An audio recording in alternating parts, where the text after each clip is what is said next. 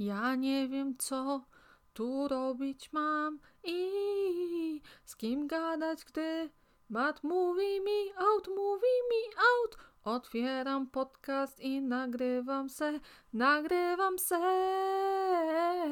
Wszystko, co powiedzieć chcę. Cześć, witam Was serdecznie na swoim podcaście. Tu mówi Sylwia, prosto z Miltonów. Chciałam tak na samym początku opowiedzieć Wam, jak to było, że tutaj się znalazłam i kto był pomysłodawcą tego. Oczywiście Mateusz.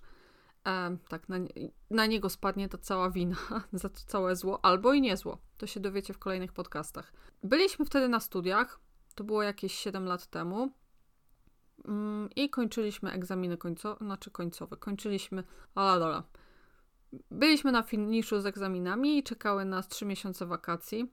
A że byliśmy biednymi studentami, chyba nie ma innego studenta, nie? Zawsze jest biedny. Byliśmy studentami.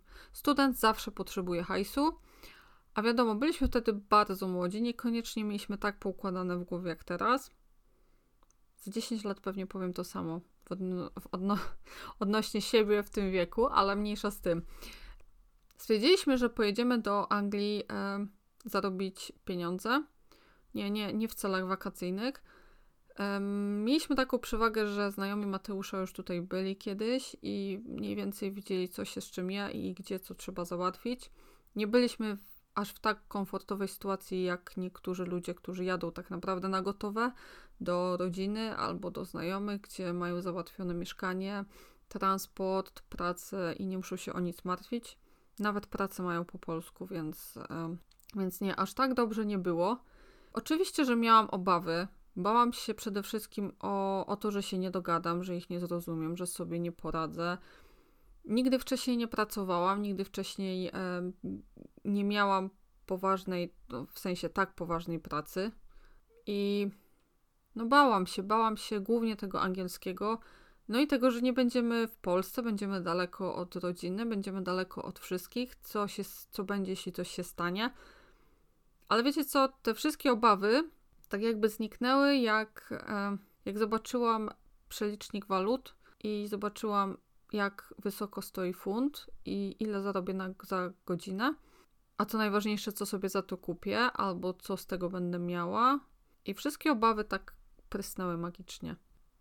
Przyjeżdżając do Milton Keynes, mieliśmy już załatwione mieszkanie, a dokładnie pokój początkowo mieliśmy mieć dwa, znaczy ustaliliśmy, że będą to dwa pokoje. Jeden dla naszych znajomych, dla trójki e, facetów, a drugi dla nas jako dla pary. Po przyjeździe okazało się, że no niestety dostaniemy jeden pokój e, trzyosobowy na pięć osób, w którym będziemy musieli się pomieścić przez tydzień. No, szału nie było, ale z perspektywy czasu mogę powiedzieć, że to było dobre doświadczenie. Też nie wiem w sumie, co ono wniosło do mojego życia. Może to pokazało mi, ile jestem w stanie wytrzymać, chociaż na własne życzenie, bo tak naprawdę nie protestowałam. Mieszkanie było w dość podłej dzielnicy Milton, ale nie najpodlejszej, na szczęście. W domu było e, milion lokatorów. I nie mówię tutaj tylko o ludziach. Wszelkiego rodzaju robactwo też mogliście znaleźć, ale o tym powiem dalej. Co do lokatorów, to nigdy nie wiedziałam, z kim mieszkaliśmy. Te osoby się zmieniały randomowo, naprawdę. No, to było, możecie się śmiać teraz pod nosem, ale tam osoby mieszkały po dwa dni, po dwa tygodnie, po miesiąc, może troszkę dłużej. Pokoi było powiedzmy, że 6-5 w tym mieszkaniu. No więc wiecie, tak trochę, no, niezbyt przyjaźnie i komfortowo. Przypomina mi się właśnie sytuacja, która miała miejsce w tym e, pierwszym e, domu, w którym musieliśmy mieszkać przez e, tydzień wspólnie.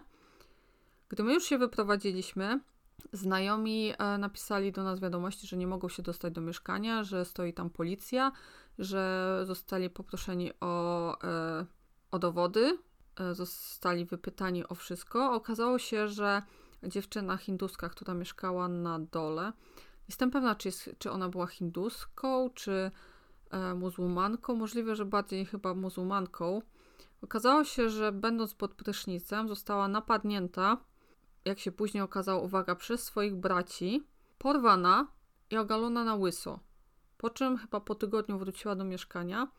Jak się okazało, to była kara za to, że spotykała się chyba z Anglikiem, w każdym razie nie z, nie z muzułmanem, z którym według rodziny powinna się spotykać i w ramach kary i tego, że ośmieszała rodzinę, dostała golona na łyso.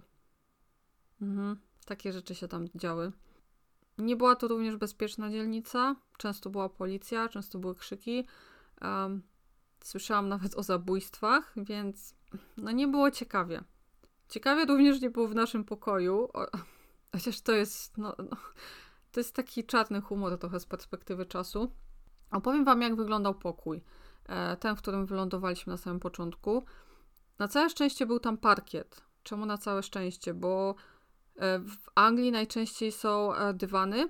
Nie wyobrażam sobie, co tam by było pod tym dywanem. Tam była po prostu taka imprezka z najlepszym towarzystwem robac robactwowym, robaczanym. Co oprócz tego było? O, oprócz tego były trzy łóżka, kanapa, na której y, nie siadłabym, nie będąc przymuszoną, ani bardzo nawaloną. Y, zasłony, które były czarne, y, powiedzmy, że przysłużone już. Był balkon, co było bardzo pozytywne, bo mogliśmy tam sobie robić grilla, chillować i tak dalej, i tak dalej. Było fajnie. I co jeszcze było? No oczywiście byli lokatorzy. Pluskwy. Nie wiem, czy zdajecie sobie sprawę, co to są pluskwy. To są takie żyjątka, które żyją w, najczęściej w materacach, czasami właśnie pod e, wykładziną, w, w zasłonach. Upatrują takie miejsca, które są wilgotne, oczywiście od potu, e, ciepłe, więc one się lubią w takich miejscach rozwijać i tam żyją sobie pod tym materacem albo w środku i no i w nocy, jak zasypiacie, one wyłażą i robią sobie imprezkę na waszym ciele, czyli e, no, rano budzicie się cali pokłóci. Generalnie macie takie ślady, jakby trzy kropki na ciele. Pełno tych śladów, ale to się charakteryzuje tym, że, e, że one jak, jak się wkuwają, to tak jakby trzy nakłucia obok siebie są i są takie trzy kropki, które was niemożliwie swędzą i niemożliwie bolą. Ja na szczęście tego nie doświadczyłam, Czemu na szczęście? No, mnie to nie spotkało. E, spotkało to e, kolegę.